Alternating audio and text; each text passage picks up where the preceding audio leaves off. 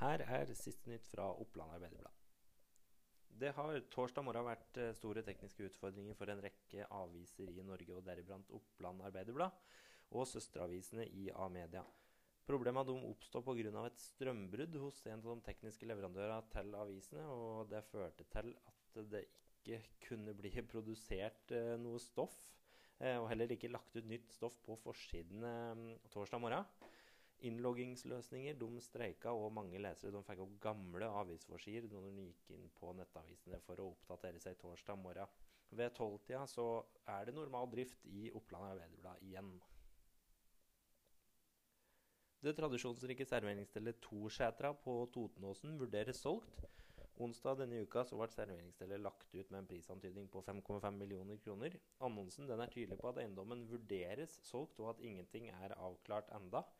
Eh, det er ekteparet Ingunn og Frode Skogstrand som har drevet Torsetra de siste åtte-ni åra.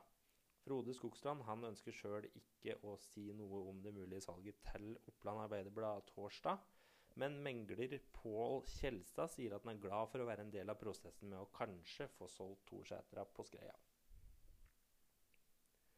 Sju av ti de velger å kjøre bil til jobb i Gjøvik. Det sa Espen Martinsen i transportoptimaliseringsselskapet Strategisk ruteplan under byutviklingskonferansen i Gjøvik torsdag morgen. For å få ned antallet som kjører bil til jobb, mener Martinsen at det er viktig at færre arbeidsplasser tilbyr gratis parkering til sine ansatte.